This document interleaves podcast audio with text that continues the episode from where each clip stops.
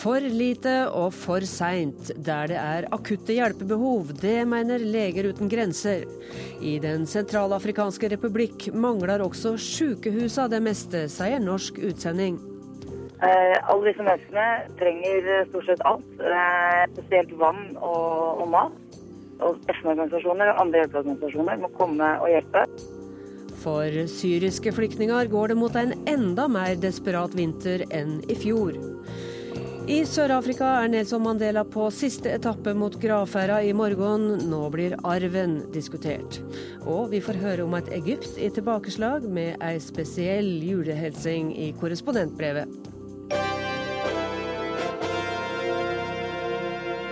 Velkommen til Væra på lørdag. Vi skal i denne sendinga også innom kampen om Nordpolen. Men først til Den sentralafrikanske republikk.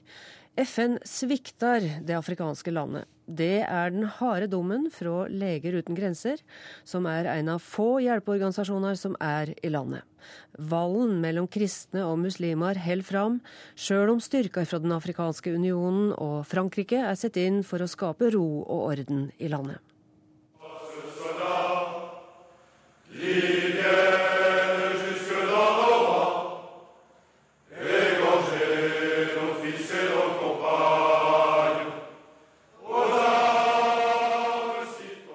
De franske soldatene står gi vakt medan de synger nasjonalsangen sin. De står i en militærbunker inne i den afrikanske jungelen, og framfor dem står Francois Hollande, presidenten som bestemte at de skulle til Den sentralafrikanske republikk for å stoppe den religiøse valg i landet.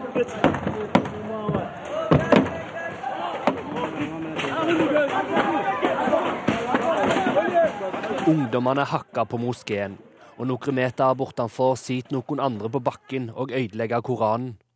Side etter side forsvinner fra muslimenes hellige bok. De kristne ungdommene tar hevn etter at Seleka-hæren, der de fleste medlemmene er muslimer, har herja i Den sentralafrikanske republikk. Det er virkelig spent mellom kristne og muslimer, og trass i de franske styrkene sin innsats, så er mange muslimer i Den sentralafrikanske republikk skuffa og såra over det franskmennene har gjort i landet. Nous avons vu l'intervention de la France. Nous pensons que la France est intervenue euh, pour sécuriser tout le, tout le. Den unge mannen sier at han trodde at de franske styrkene hadde kommet til landet for å beskytte alle, og ikke bare de kristne. Nå mener han at det skjer en massakre av muslimer, medan franskmennene ikke gjør noe som helst. Men det er ikke bare franske soldater som har reist til Den sentralafrikanske republikk. Noen hjelpearbeidere har også våget å reise, og blant dem er Lindis Hurum, som jobber med internt fordrivne flyktninger som bor i en flyktningleir rett ved flyplassen i Bangui. Hun er særskilt skuffa over det hun mener er en manglende innsats fra FN. Eh, alle disse menneskene trenger stort sett alt, eh, spesielt vann og, og mat. Og FN-organisasjoner og andre hjelpeorganisasjoner må komme og hjelpe. Vi føler oss ikke utrygge. Eh, vi kan jobbe på, på den beste måten vi kan med de midlene vi har. Eh, så det er ikke noe grunn til at ikke ikke kommer flere og hjelpe denne befolkningen nå. Hurum mener FN har et særskilt ansvar til å hjelpe. Og Hurum mener at FN langt ifra har gjort nok. Selv om FN har gitt ekstramidler til humanitært arbeid i landet. Det er godt mulig å ha det, men jeg ser ikke noe konkret eh, resultat av det her eh, på bakken. Da. disse menneskene har ikke fått rent vann, de har ikke fått mat. De har ikke fått noe assistanse av, av noe slag. Eh, og Det er hva jeg ser her, men jeg vet at det har vært det samme i andre prosjekter vi har ellers i landet. Er det noe FN kan gjøre nå for å bøte på det som dere i Leger uten grenser mener at de har gjort galt? Ja, det er jo å, å reagere, eh, å reagere fort. Eh, det er, I dag er, har de begynt med matdistribusjon, det er veldig bra. De må levere ut tepper, sånn at barna ikke fryser om natten. Og de må sørge for bedre hygieniske forhold medan hjelpearbeidere roper på mer hjelp og franskmenn prøver å roe gemyttene, så holder problemer fram i Den sentralafrikanske republikk. De siste ukene er flere hundre blitt drepne i det som er kalla et potensielt nytt folkemord i Sentral-Afrika. Og reporter her var Vegard Kjørhom. Og velkommen i studio, Kyrre eh, Lind. Du er programsjef i Leger uten grenser. Ja, takk. Og eh, vi hørte her akkurat eh, en erfaren medarbeider, eh, Lindis Hurum. Og erfaren er hun. Hun sier at dette er noe av det verste hun har sett. Eh, hvordan forklarer de denne svikten i, i, i det som var en varsla krise? Ja, det er kanskje vanskelig å, å forklare svikten, men uh, det, altså, det, er ingenting som bør unnskylde det uh, at FN ikke har reagert, eller at verdenssamfunnet eller andre organisasjoner også har reagert. Uh, helt siden i fjor, i, i um, desember, så visste vi at situasjonen i Sentralafrikansk republikk ville gå fra vondt til verre. Eh, dette er jo et land som har vært i dyp krise i mange, mange år. Eh, Leger uten grenser har eh, jobbet der siden 1997. Men i, i, desember så var det tydelig at dette her vil bli verre, og i, i, i mars, etter kuppet, så, så, begynte det å, å, utfolde seg et kaos. Og, og, med de scenene og de situasjonene som nå blir beskrevet, altså, altså med, med, folk som blir drept, jakt på flukt, det har gått fra et par hundre tusen internt fordrevne til 500 000 i løpet av veldig kort tid. Det Leger uten grenser gjorde, var å oppskalere eh, i de prosjektene vi har, men i tillegg så har vi sendt inn såkalte kriseteam til veldig mange områder i, i Sentralafrikanske republikker. Også i hovedstaden Bangui, eh, hvor det også har samlet seg tusen på tusen av flyktninger i mange forskjellige flyktningleirer. Så det har vært eh, veldig, veldig synlig eh, lenge. Og det har vært mulig å jobbe der. Um, men, men, FN har jo da ikke reagert. De har sittet um, For det første tok det lang tid før de i det hele tatt begynte å sende mennesker inn. Uh, og de var nesten ikke til stede før i august. Uh, men samtidig så har de sittet stille og ikke gjort noe i sine, sine hovedkvarter. Mens, mens vi og, og, og, et par andre organisasjoner har da jobbet i disse leirene. Men vi kan ikke gjøre alt. Eh, vi snakker om eh, plutselig 50 000 flyktninger et sted da, eh, som da mangler absolutt alt. Og alle disse kriteriene, alt det man må gjøre i en flyktningleir, ikke blir oppfylt. F.eks. så er det jo nå det er over 166 eller siste tallet jeg så, at det er 166 mennesker per toalett i en av disse leirene. Og det, det er òg grunnen til at din organisasjon nå faktisk bruker ganske mye tid på, på politisk kritikk og utfordre det politiske internasjonale miljøet. Uh, en får jo en uh, smak av Rwanda her. ser du en slik parallell? Jeg vil ikke si at det er nødvendigvis politisk. Det vi gjør nå, er å snakke om at vi må ha en humanitær respons. Og det humanitære er et, et, et Humanitær respons er et velkjent og veldefinert begrep som alle er enige om. Det er nødhjelp som skal være uavhengig uh, og upartisk. Og det er en sånn type hjelp som jeg sier at nå, nå må vi få inn det. Um, og, og, ja, vi bruker veldig mye tid uh, på å si fra. vi har skrevet et brev til til FN, eh, hvor vi beskriver den dårlige responsen til FN. Mm. Eh, hvor vi påpeker hva vi syns er feil med den, f.eks. sikkerhetsvurdering, mm. respons, eh, alt, alt, det der. Og I tillegg så har vi brukt mye tid i, i Norge også på å si fra til Utenriksdepartementet fortelle hva vi ser til Utenriksdepartementet, og, å forlange at uh, Utenriksdepartementet i Norge også uh, engasjerer seg og, og uh, gir penger. Nå har det heldigvis begynt å hjelpe litt. Det har blitt bevilget en god del penger til Sentralafrikanske republikk de siste ukene fra norsk utenriksdepartement, og det er veldig bra. Skal, du skal bli med oss videre, og vi skal se på ei anna krise som er i ferd med å bli nokså akutt. Eh, ingen veit nøyaktig hvor mange som har flykta fra borgerkrigen i Syria, men det er minst to millioner mennesker som har klart å krysse grensa. De fleste har søkt tilflukt i nabolandene Libanon, Jordan og Irak, og i tillegg er det mange flere interne flyktninger i Syria. Lidinga er ufattelig, og enda verre nå når vinteren har kommet. Hun er rundt ti år gammel tynnkledd med et grønt skaut på hodet. Hun tetter igjen mellomrommet mellom teltduken og bakken med grus.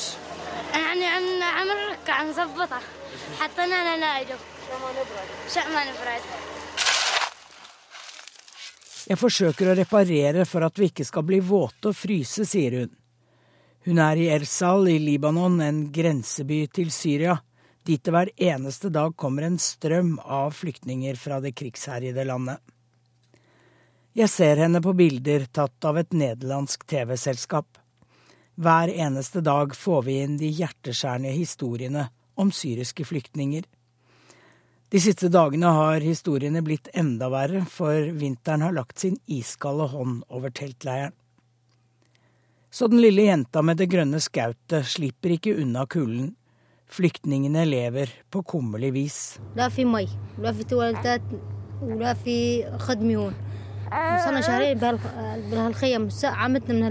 Her er ingen toaletter og bad. Vi har vært to måneder i disse teltene, sier denne flyktningen fra byen Kusair. Foreløpig har hun og barna hennes ikke fått noe hjelp. De har kommet over grensen utenom en fast grensestasjon. Derfor sier libanesiske myndigheter at de ikke har ansvar for dem. Men ordføreren i byen Arsal har sett befolkningen i byen vokse fra 35 000 til over 80 000 pga. flyktningene. Og han føler seg maktesløs.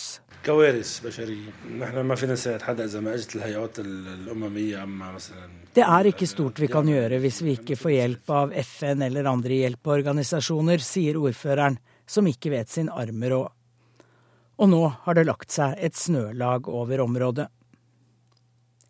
I Genéve sitter Amin Awad, som er direktør for kontoret til FNs høykommissær for flyktninger i Midtøsten og Nord-Afrika. Han ser mørkt på situasjonen, spesielt med de tunge værutsiktene. This is one of the harshest winters that, according to any forecast that you may get hold of, uh, probably in the last 100 years. Uh, we have started our winter uh, winterization program earlier this year. Dette skal bli en av de verste vintrene i manns minne, kanskje på 100 år. Vi har startet vinterprogrammet vårt tidligere enn vanlig, med utstyr som skal holde folk varme. Utstyret er sendt til flyktningleirer i Syrias naboland, sier Amin Awad. Bare i Libanon regner man med at det er 200 leire og oppimot én million flyktninger. Inne i Syria er det enda flere flyktninger, ifølge Flyktninghjelpens senter for internt fordrevne. Sommeren for halvannet år siden var det halvannen million av dem. Nå er det steget til over seks og en halv million mennesker. Å få hjelp frem til dem er det aller vanskeligste, for krigen raser på så mange fronter. Men også de flykter videre, til nabolandene. I går gikk det en stri strøm av folk over grensen fra Syria til Jordan. Bare i løpet av de siste dagene har det kommet 1300 mennesker over grensen her. 700 av dem er barn. De kommer fra byer som Dara, Homs og Hama.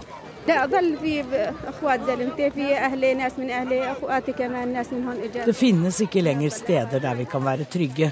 Det er kamper hele tiden, sier denne kvinnen fra Dara. Hun ble møtt av jordanske soldater som delte ut tepper. Nå skal de fraktes videre til den store flyktningeleiren Satari, sier Andrew Harper, som er FN-representant i Jordan. The, uh,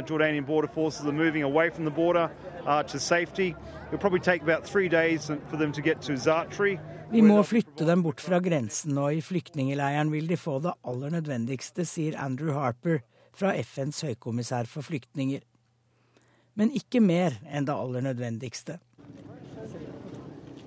Rundt et bål i et telt i Satari-leiren sitter en familie som har bodd her lenge. Nå lider de i vinterkulden. Familiefaren Abu Rafat fortviler. Vi flyktet fra krigen, men hva har vi nå? Vi flyktet fra én tragedie til en annen, og verden har glemt oss, sier Abu Rafat.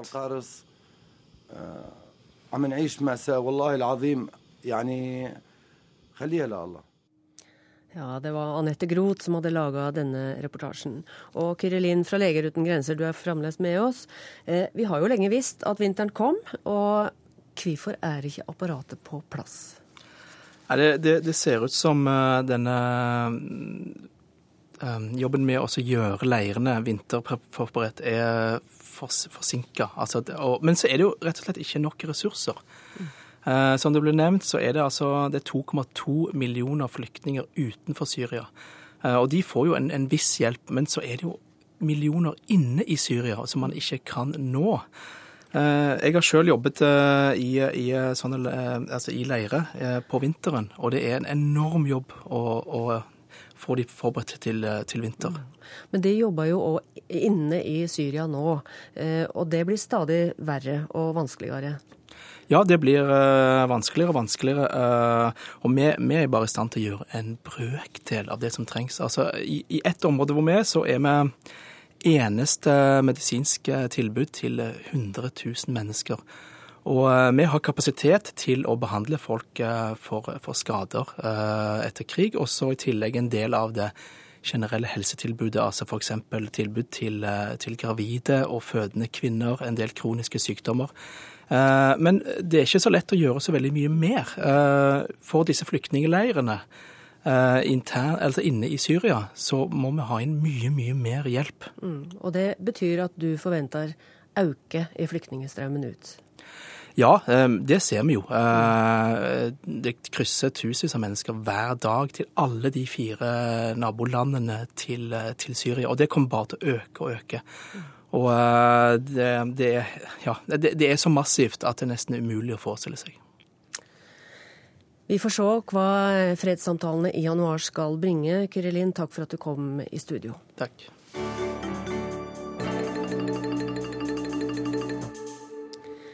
I Sør-Afrika er det nå siste etappe for Nelson Mandela. Båra er akkurat nå på vei til gravferda i Kono, og ambassadør Kari Bjørnsgaard, som vi snakka med for litt siden på telefon, forteller om et land som er sterkt prega av dødsfallet til sin kjære Madiba, og at det kanskje ikke blir bare for de aller nærmeste når han nå skal hjem til forfedrene. Det vil jo selvfølgelig bli enorm pågang på deltakere på den, til den begravelsen. Og det er sånn eh, i Afrika og her i Sør-Afrika at man blir ikke invitert til begravelse. Dit skal man vurdere om man har en tilstrekkelig nær kontakt til familien og den avdøde. Eh, hvorvidt, da, hvor det er, hvorvidt det er naturlig å delta i begravelsen. Og det er nok veldig mange som vil ønske å delta, av, av mange grunner. Så gitt at Kono er en veldig liten landsby, og veinett og fasiliteter er veldig begrenset, så blir det helt sikkert um, litt kaos. Men vi vet at regjeringen jobber på spreng, familien gjør det samme, og partiet ANC selvfølgelig også det. Mm. Ja, for her har det vel gått ut ei oppfordring til alle statsledere og ja, de gjeve gjestene om kanskje å holde seg vekke, så å si. Eh, det er vel mye politikk også i det å dra til denne, nettopp denne begravelsesseremonien? Ja, det er det helt sikkert. Så Mange vil også legge politikk i det. Men jeg tror at uh, siden det var så stor deltakelse på den internasjonale markeringen, og for så vidt sammen med den nasjonale da, på minnestunden uh, på tirsdag, hvor det deltok 90 stats- og regjeringssjefer, så har nok de fleste både ønsket å, å bidra med sitt nærvær på den markeringen mer enn å dra til landsbyen. Og ikke minst da i respekt for at familien kan få en finere siste avskjed med, med ham. Denne sterke vektlegginga nå på å følge opp om Mandelas arv, blir det også oppfatta som en kritikk mot nåværende regjering? Uh, debatten er uh, høylytt og sterk i Sør-Afrika nå uh, i forhold til hvordan, hvordan hans bortgang og, og, hvordan folk reagerer på dette vil spille seg ut i månedene fram mot valget neste år. og Sør-Afrika feirer jo også 20 år som demokrati neste år. Det er for tidlig å si hvordan det vil slå ut, men antagelig vil det få relativt liten betydning på valget neste år. Når det er sagt, så er det klart at man kan anta at ungdommene eh, som går, eh, ungdommene i Sør-Afrika i dag vil vil få et mye sterkere forhold til uh, anti-apartheid-kampen gjennom Mandelas bortgang, fordi hele mediebildet og alle uh, i disse, disse, dagene er så opptatt av å fremme de verdiene som han sto for.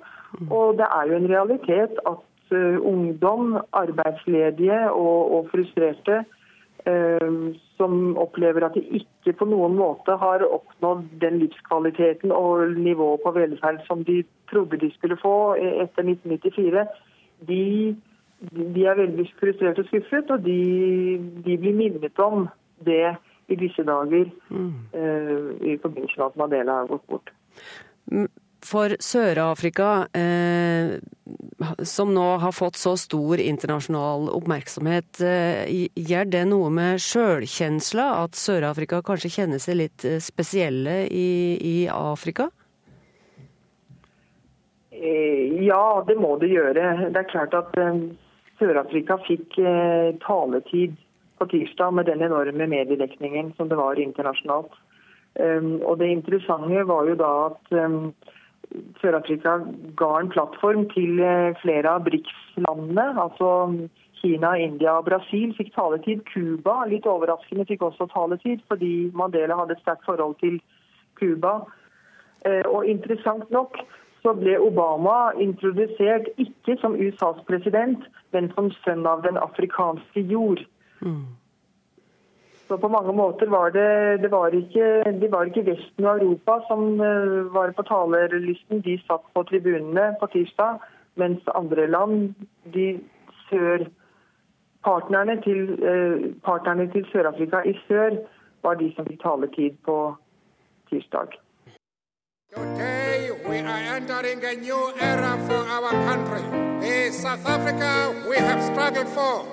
In which all our people, be they African, colored, Indian or white, regard themselves as citizens of one nation is at hand. Hørte vi ei kjent stemme. Og både sørg sørgetida og den store minneseremonien for Mandela har gitt pekepinn på det ugreie politiske farvannet landet er i. Og for den lokale pressa skapte dødsfallet store utfordringer. Christian Aanesen er vår reporter i Sør-Afrika. That is the back part of what you'll see in the paper tomorrow, basically. So the big story is. Oh, it's all Nelson Mandela. Mm-hmm. Make no mistake. Um, there are other things happening in the country and the world, but mm, doesn't get a great deal of attention from us at the moment. Dette er Philip de Welt. Han er en av redaktørene i den anerkjente sørafrikanske avisen Mail and Guardian, som kommer ut én gang i uka. Det kan by på visse utfordringer når verdens mest kjente sørafrikaner dør samme dag som avisen går i trykken. Um, in extraordinary circumstances, what happened last Thursday, because keep in mind Nelson Mandela's death was announced 11.30 p.m. last Thursday, at which point our tracks had already started to run. So the newspaper was printed, national distribution was underway. En av de sakene som har skjedd siden forrige utgave, er den store minnemarkeringen på tirsdag. Dagen da alle verdens øyne var rettet mot en fotballstadion i Soveto, og dagen da alle snakket om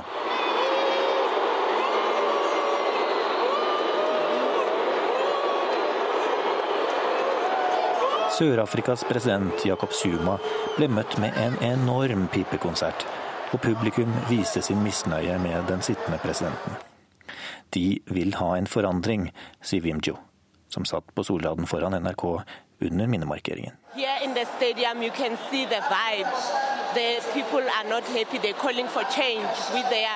Og noen andre, som kameratene Paul og Molon, gikk lenge før Zuma i det hele tatt hadde vist seg på scenen. Han har skuffet oss så mange ganger før, mener de to. Uh, those who are interested will listen to you. We are not interested. You're not interested. Why? Uh, he's let us down in so many times. Yeah, he's not my president.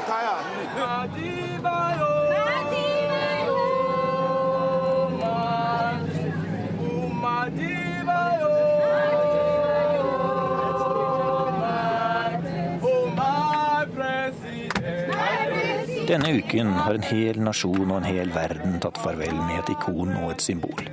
Få andre har betydd så mye i avviklingen av et regime og skapelsen av et demokrati som Nelson Mandela har gjort for Sør-Afrika. I tre dager så tusenvis av sørafrikanere i kø for å vise han den siste æren, der han lå med lukkede øyne under en glasskuppel i hovedstaden Pretoria.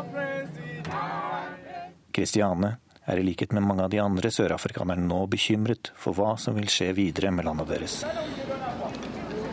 I'm worried what is going to happen in South Africa because we don't have leaders like Nelson Mandela. I'm crying for South Africa. And in a week where a lot of things are happening right now. Tilbake i avisredaksjonen jobber fortsatt Philip de Welt med siste innspurt av denne ukes Mail Guardian. De har lenge vært kritiske til Jakob Suma og hans bruk av offentlige midler til renovering av sitt eget palass i hjembyen Klanda. Men det er ikke korrupsjonsanklagene og millionforbruket som forårsaket buingen på stadion i Johannesburg, mener redaktøren. Dette er en intern maktkamp i ANC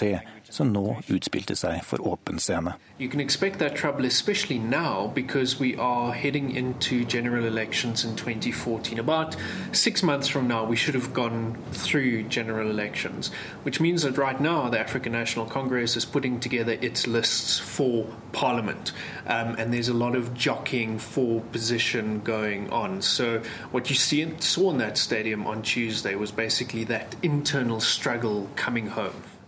Og til tross for buing og offentlig ydmykelse, anklager om korrupsjon og millionunderslag. Konsekvensene blir ikke store for Sør-Afrikas president Jakob Zuma. Every poll, every number indicates to us that the ANC will win the general elections in 2014 by a considerable margin, which means President Jacob Zuma will once again be president of the country. That's the consequences. Our president, our president, our president, our president, our president, Mandela, yo. Mandela, yo.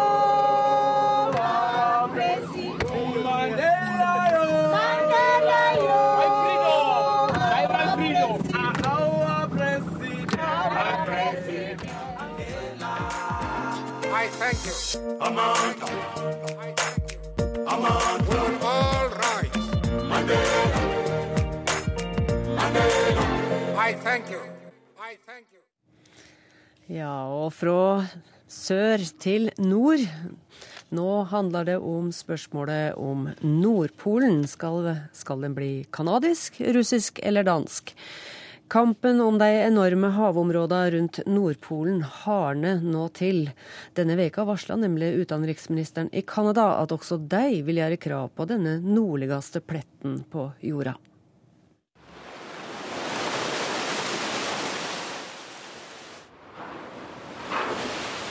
En båt bryter seg fram gjennom isen. Mindre is, mer aktivitet, flere skip En sterkt økende interesse for havområdene rundt Nordpolen. Og ikke minst for det som måtte ligge av olje og gass under havbunnen.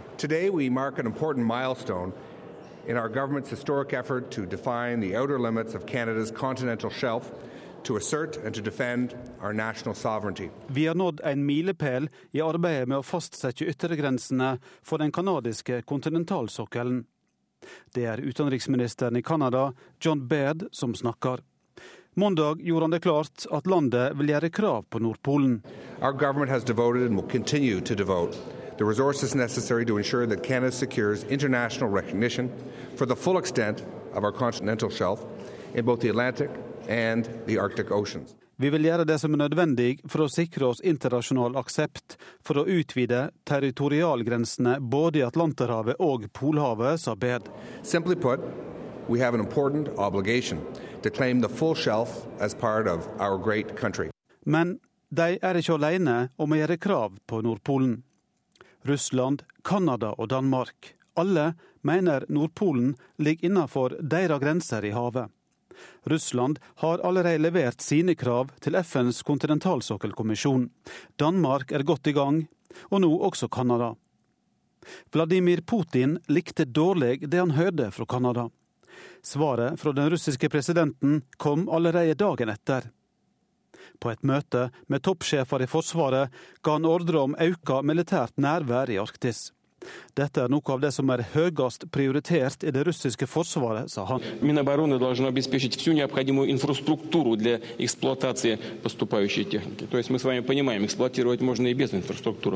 må få på plass en bedre infrastruktur, sa Putin. Flere militære eininger skal utplasseres i arktiske strøk. Baser som ikke har vært i bruk siden sovjettida, skal takes i bruk igjen. Men dette er dyrt, for det må gjøres slik at basene kan drives etter dagens krav, sa han. Det er Lomonosov-ryggen det handler om. Den strekker seg fra Canada og Grønland via Nordpolen til Russland.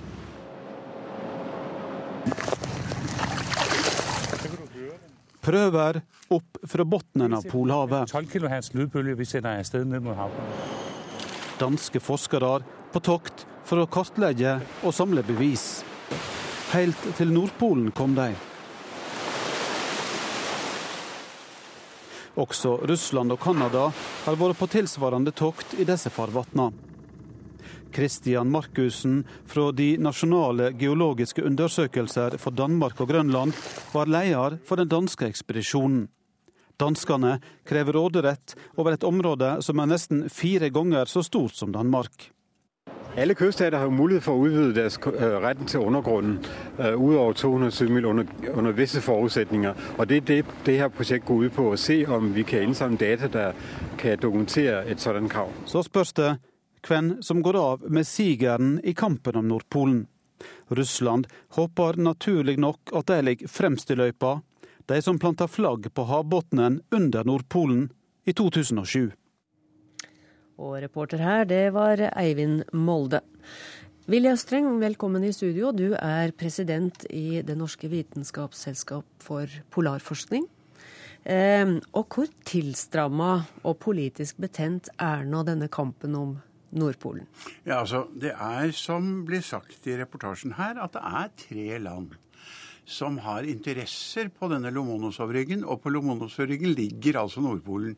Og det er Danmark, det er Canada og det er Russland. Og alle tre ønsker å inkludere den i sin egen sokkel. Eh, det interessante her er imidlertid f.eks. at USA, som ikke har tiltrådt eh, Havrettstraktaten av 1982, de sier at nei, Lomonosov-ryggen det er en del av dyphavet under isen.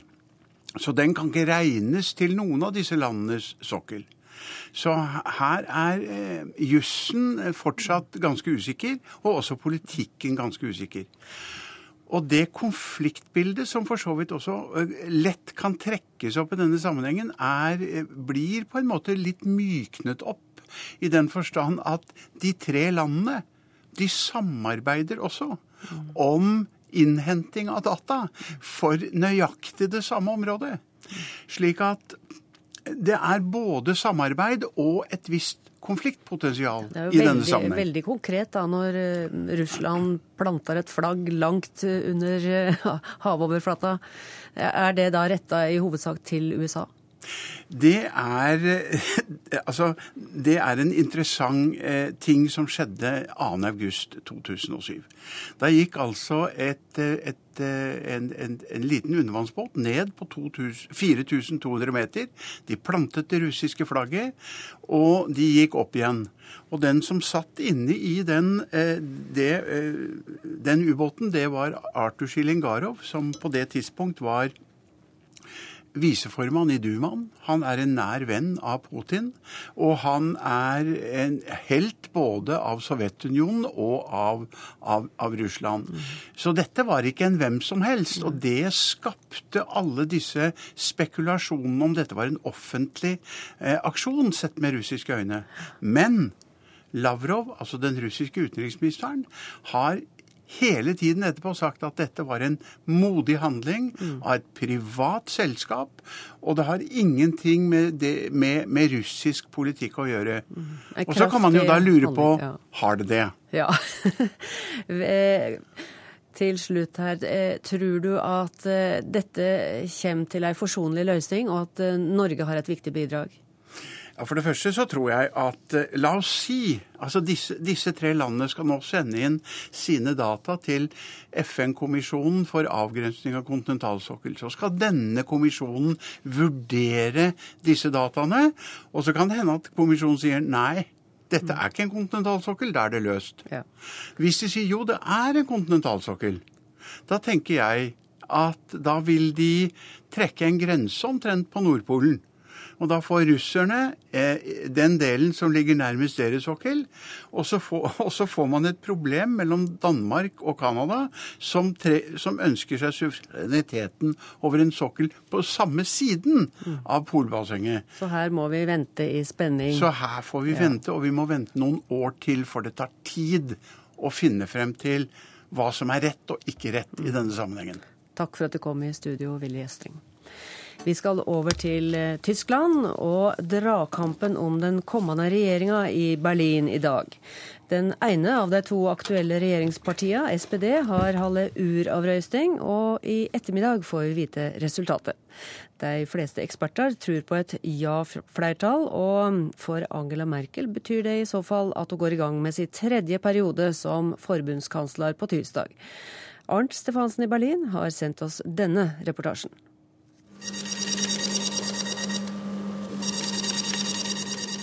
Berlin i går kveld. Sosialdemokratenes generalsekretær Andrea Nales demonstrerer en superrask brevåpner som skal brukes under dagens opptelling etter partiets uravstemning. SPD-medlemmene har avgitt sin stemme per post, og det er ikke få konvolutter som skal åpnes i løpet av dagen.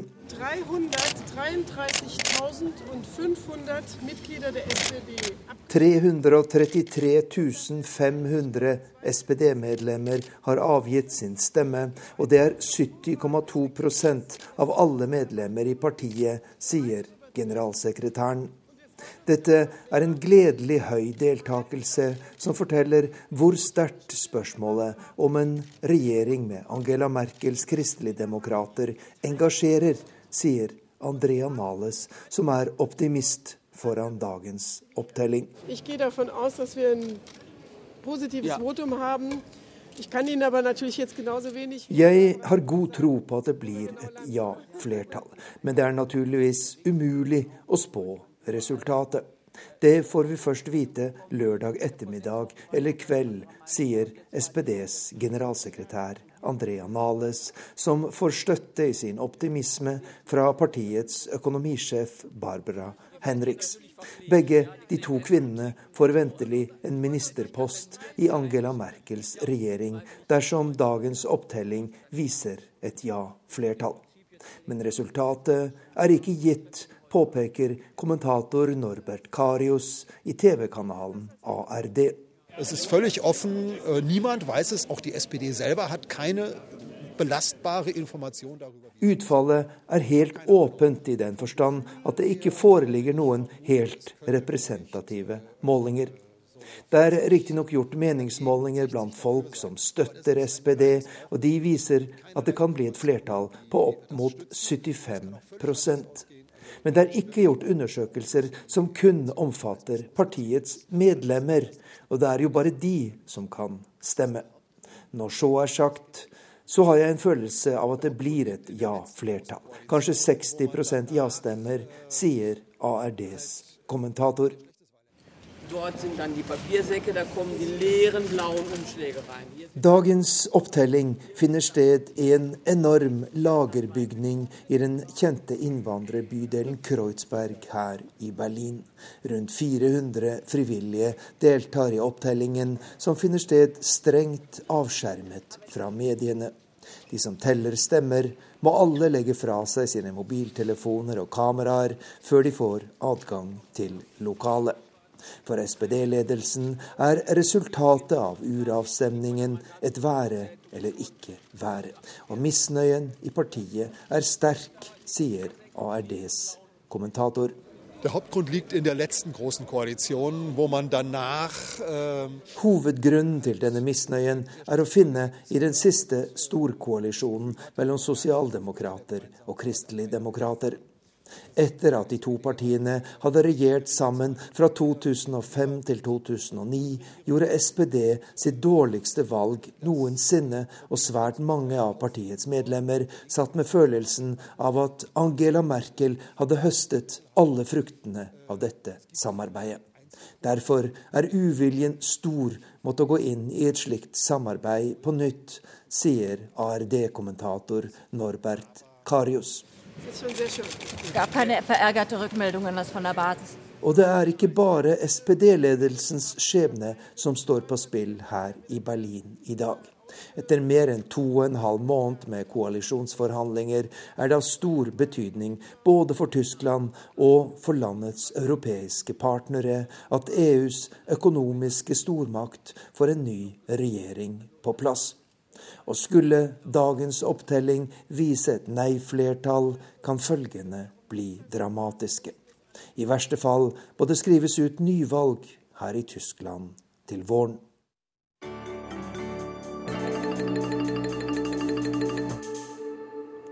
Til Egypt nå. Vi må få et skille mellom stat og religion, og vi må kjempe for kvinners rett til å føle seg trygge. Det sier den kjente egyptiske intellektuelle Amr Hamsawi, som var sentral i revolusjonen for snart tre år siden. Han mener det militære som nå styrer Egypt, gjør en feil ved å forby det muslimske brorskapet. Sissel Wold har møtt ham. Egypt as of today does not have elected institutions, does not have elected uh, officials. Since the army interfered uh, in Egyptian politics, uh, Ingen som styrer hos oss er demokratisk valgt. Det har det ikke vært siden det militære avsatte president Morsi i fjor sommer. Det sier Amr Hamsawi, en av Egypts ledende intellektuelle. Han er 46 år, har studert i Kairo, Berlin og Haag. Han er professor i statsvitenskap på American University i Kairo avisskribent og en aktiv samfunnsdebattant. Og toneangivende debattanter er det bruk for i det politisk urolige 5000 år gamle Egypt, der den nye tid fremdeles er i støpeskjeen. For alt er bare foreløpig nå. Bare ett maktsentrum dominerer. De styrende er utpekt av det militære. Men dette må ikke forveksles med demokrati, påpeker Hamsawi. The dominance of the military does not get you in any manner close to democracy or democratic governance. Vi må få Egypt på rett kjøl igjen, og stikkordet er stemmeurner. Aktivisten fra revolusjonsdagene i 2011 ble valgt inn i parlamentet i 2012 for det liberale Frihetspartiet. Men karrieren som parlamentariker tok raskt slutt da Egypts midlertidige president Adli Mansour oppløste parlamentet bare seks måneder senere. Hæren kastet president Morsi, fengslet lederne i brorskapet og forbød islamistorganisasjonen, noe Amr Hamsawi mener er galt. For politics, politics,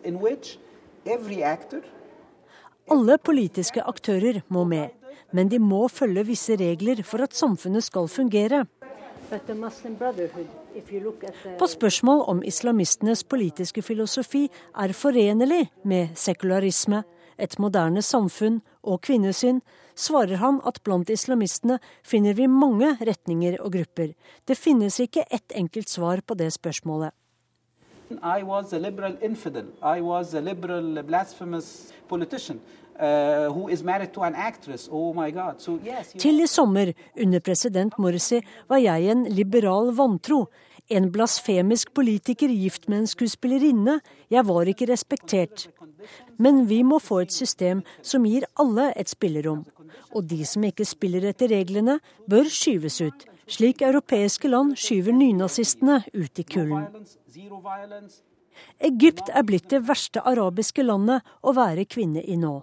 Hamsawis kone, Basma Hassan, er en av Egypts mest kjente filmstjerner, og er selv fra en politisk aktiv familie.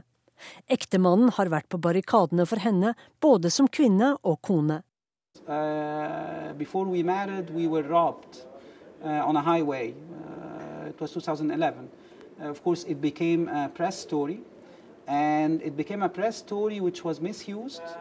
At vi kjørte bil sammen sent på kvelden før vi var gift, ja det ble til en kjempesak, og politiske motstandere brukte det mot oss. Men jeg slo tilbake i min faste avisspalte. I love her and we are going to marry. And so it was the first time for a politician to expose uh, his love story. Jeg elsker henne, og jeg skal gifte meg med henne. Ja, det skrev jeg. Of course, I did so to stop Jeg kunne ikke akseptere et karakterdrap på min kone, Basma, sier Hamsawi. Den andre gangen var etter at Basma ble seksuelt trakassert under en demonstrasjon. Vi valgte å skrive om det, for kvinner må si fra om overgrep, og de må kreve rettferdighet, mener Amr Hamsawi. Yes. Hva slags fremtid ser han for seg for sin fire måneder gamle datter Nadia? Jeg håper hun får oppleve et rettferdig og likestilt Egypt. Jeg tror ikke at Basma eller jeg vil oppleve det, men jeg håper inderlig at vår datter vil gjøre det.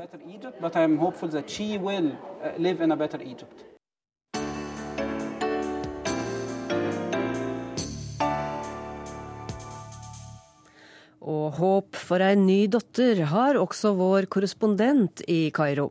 Sigurd Falkenberg Mikkelsen her med sitt førjulsbrev til oss. Jeg kan fortsatt kjenne hvordan det snører seg i brystet når jeg hører en ambulansesirene her i Kairo. En ambulanse som forsøker å brøyte seg vei gjennom den ugjennomtrengelige trafikken. Ambulansen står stille, tuter høyere, kommer ingen vei.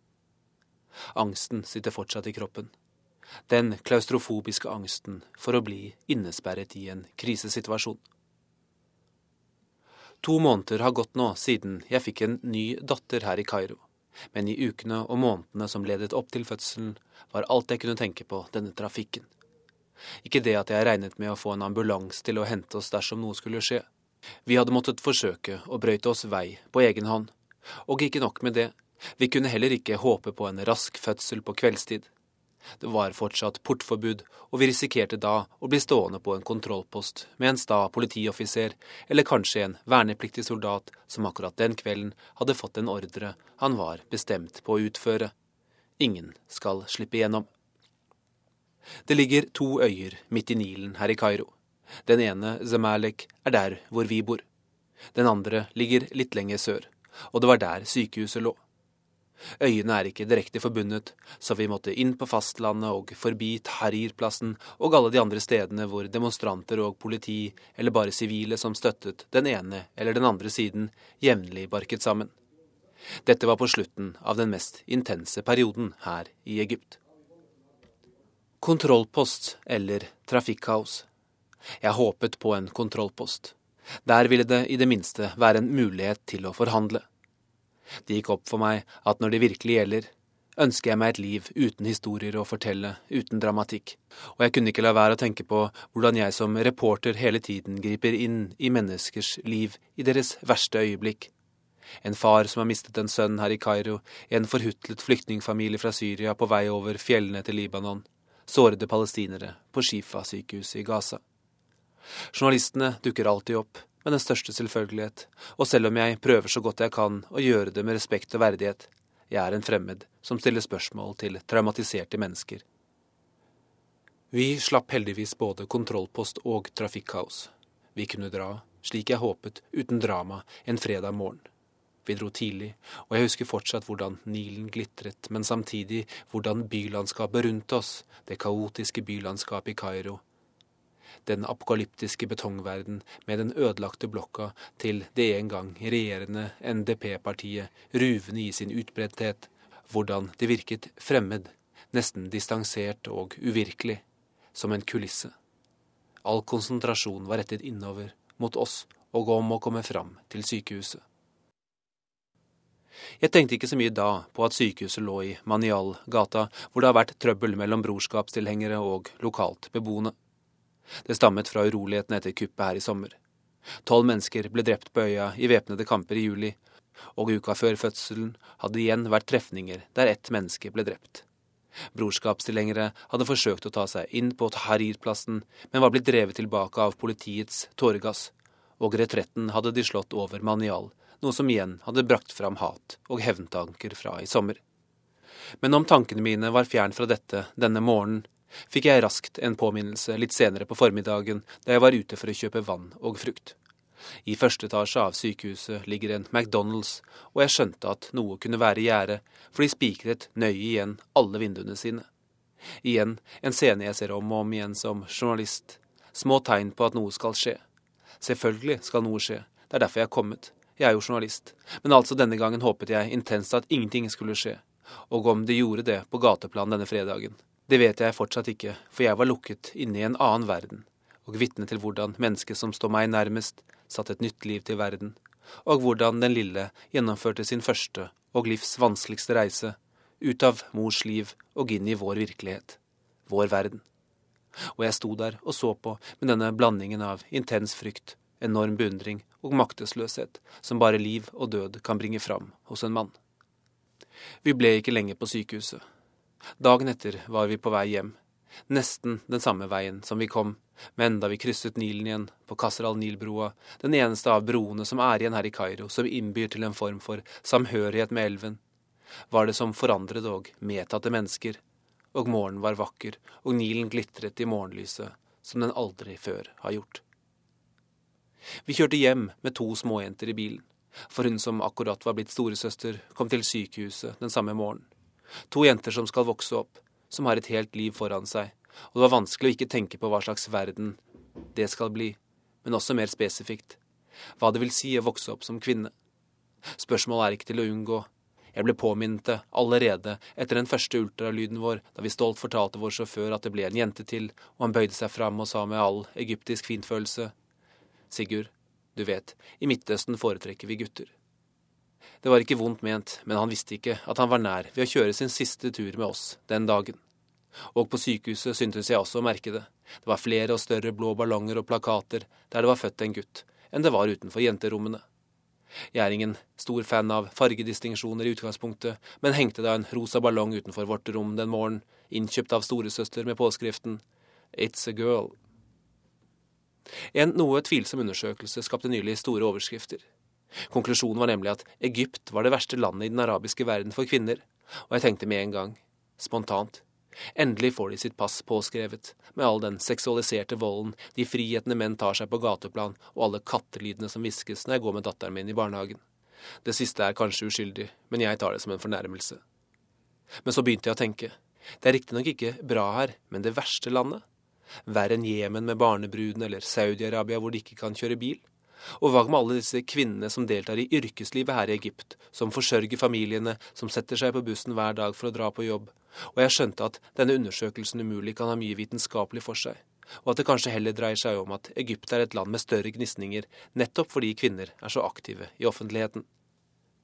Men at det kanskje finnes land som er verre, betyr jo ikke at det er bra her, og jeg lurer noen ganger på hva de ville sagt, de egyptiske kvinnesakspionerene fra mellomkrigstiden, hvis de hadde sett hvordan landet deres var blitt f.eks. Huda Sharawi, som kastet av seg sløret på togstasjonen her i Kairo, eller Lofta El Nadi, som lurte seg til å ta flytimer og ble den første kvinnelige egyptiske piloten og fløy i 1933 fra Kairo til Alexandria. Da hun ble spurt om hvorfor hun ville fly, sa hun jeg elsker å være fri. Dette var kvinner, riktignok overklassekvinner, som levde mer eller mindre samtidig med mine bestemødre. Den ene karret seg til en enkel regnskapsutdannelse og reiste fra Sunnmøre til Vestfold, og ble deretter en bærebjelke i et lite snekkerfirma på Nøtterøy. Den andre giftet seg i Tønsberg og tok etter hvert over en respektabel skobutikk i byen da hennes mann, min morfar, døde tidlig. Begge fortsatte å lage all maten hjemme og ta alt husstellet. De forble kvinner av sin fortid og samtid. I en brytning, tenker jeg, for de levde også en tid da kvinnespørsmål ble satt politisk på dagsorden på en helt annen måte enn tidligere, takket være en politisk radikalisering i Vest-Europa i det 20. århundre, og som fortsatt er med oss i måten politikk utformes på i dag. Med fedrekvoten og debatten som har fulgt etter regjeringsskiftet i Norge som det siste tilskuddet på stammen. Poenget her er nettopp at likestilling kommer som følge av politiske valg og politisk kamp. Ingenting av dette er naturgitt. Og siden jeg som korrespondent har rettigheter omtrent på linje med en 1950-tallsmann, vil jeg bare ha sagt pass på det dere har. Det er ingen enkle forklaringer på hvorfor det står så dårlig til her i Egypt, men det verste med den type undersøkelser om kvinneforhold i Midtøsten er den lett hoverende tonen som gjennomsyrer om ikke selve undersøkelsen, så ofte kommentarene, gjerne igjen knyttet til en undertekst av religiøse fordommer og rasisme. Jeg har med dette korrespondentbrevet brutt et løfte jeg ga meg selv, nemlig å ikke dra familien inn i jobben. Men jeg har tenkt å holde et annet som jeg ga rundt disse tider, i hvert fall delvis. Da lovet jeg nemlig å skrive årets julebrev om hellige steder. Og jeg var der faktisk, i Betlehem nylig, en by innrammet av høye murer og omkranset av bosettinger. Men borgermesteren hadde ikke gitt opp håpet. Vi prøver å gjøre jula til et budskap om fred, og vi jobber hardt med å få til forhandlinger, men vi er ikke sikre på hva som skjer. Vi erkjenner Israel som en del av Guds bilde, og nå synes jeg israelerne bør tenke seg om i måten de betrakter oss palestinere på, og også se oss som en del av Guds bilde, sa borgermester Vera Baboon, den første kvinnen som har hatt denne posisjonen i byen hvor tradisjonen vil ha det til at Jesus ble født. Og her i Egypt, i det nest helligste landet så å si, hvor jo Jesu familie søkte tilflukt, her har vi gjort det vi kunne for å ta vare på det livet som ble gitt oss for litt over to måneder siden. I mellomtiden har den eldste jenta på tre lært seg å hinke, og den yngste har smilt for første gang. Det er jo et julebudskap, det også. Kanskje det viktigste av dem alle. God jul fra Kairo. Og dette var Væra på lørdag ved Finn Lie, Susanne Sunde Bakke, Sigrun Slapgard.